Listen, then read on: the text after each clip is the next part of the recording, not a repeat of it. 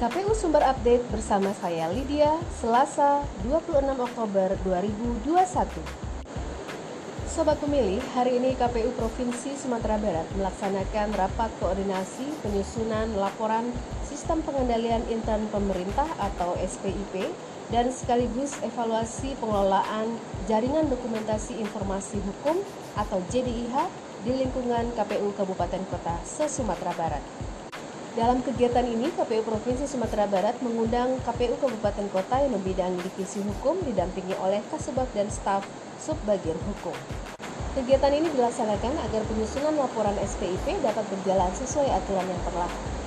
Untuk narasumber, KPU Provinsi Sumatera Barat menghadirkan Inspektorat Jenderal dari KPU Republik Indonesia dan juga menghadirkan tim JDIH dari KPU Republik Indonesia.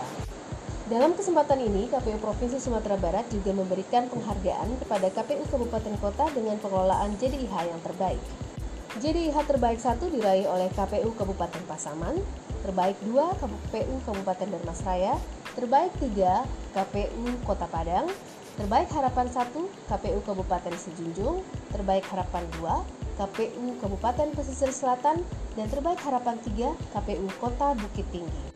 Dengan pemberian penghargaan ini, Ketua KPU Provinsi Sumatera Barat mengharapkan agar KPU Kabupaten Kota dapat lebih bersungguh-sungguh dalam pengelolaan JDIH karena adalah hak publik untuk mendapatkan informasi seluas-luasnya tentang produk-produk hukum yang dihasilkan oleh KPU baik KPU Provinsi maupun KPU Kabupaten Kota. Selain itu, pada hari ini KPU Provinsi Sumatera Barat juga mengikuti webinar Desa Peduli Pemilu dan Pemilihan seri ketujuh yang dilaksanakan oleh KPU Republik Indonesia secara daring.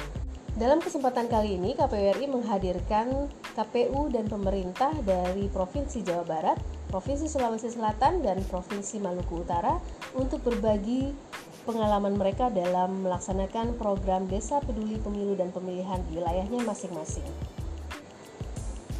Demikian KPU Sumber Update kali ini. Saya Lydia undur diri dulu. Sampai jumpa di KPU Sumber Update berikutnya.